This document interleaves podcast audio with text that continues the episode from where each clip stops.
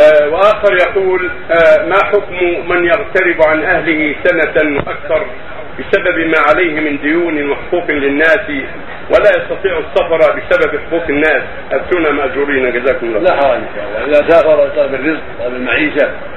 يعود على أهله بالرزق الذي يعينه على النفقة عليهم والاحسان إليهم أو لطلب العلم أو للجهاد في سبيل الله فلا حرج ولو طالت المده لكن إذا أمكنه أن يرجع إليهم بين وقت وآخر للزيارة بين أربعة أشهر ستة أشهر أكثر أقل إذا تمكن من هذا في إجازة في مده مناسبة هذا حسن وطيب وينبغي فعل ذلك تطيبا للنفوس وحرصا على جمع الشمل وعلى أداء الواجب وعلى حسن مواد النزاع التي قد تنجم عن طول الغربه أما إذا ما تيسر ذلك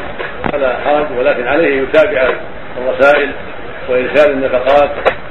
وطلب السماح من أهله حتى تطيب النفوس وحتى يحصل الصبر على أساس حسن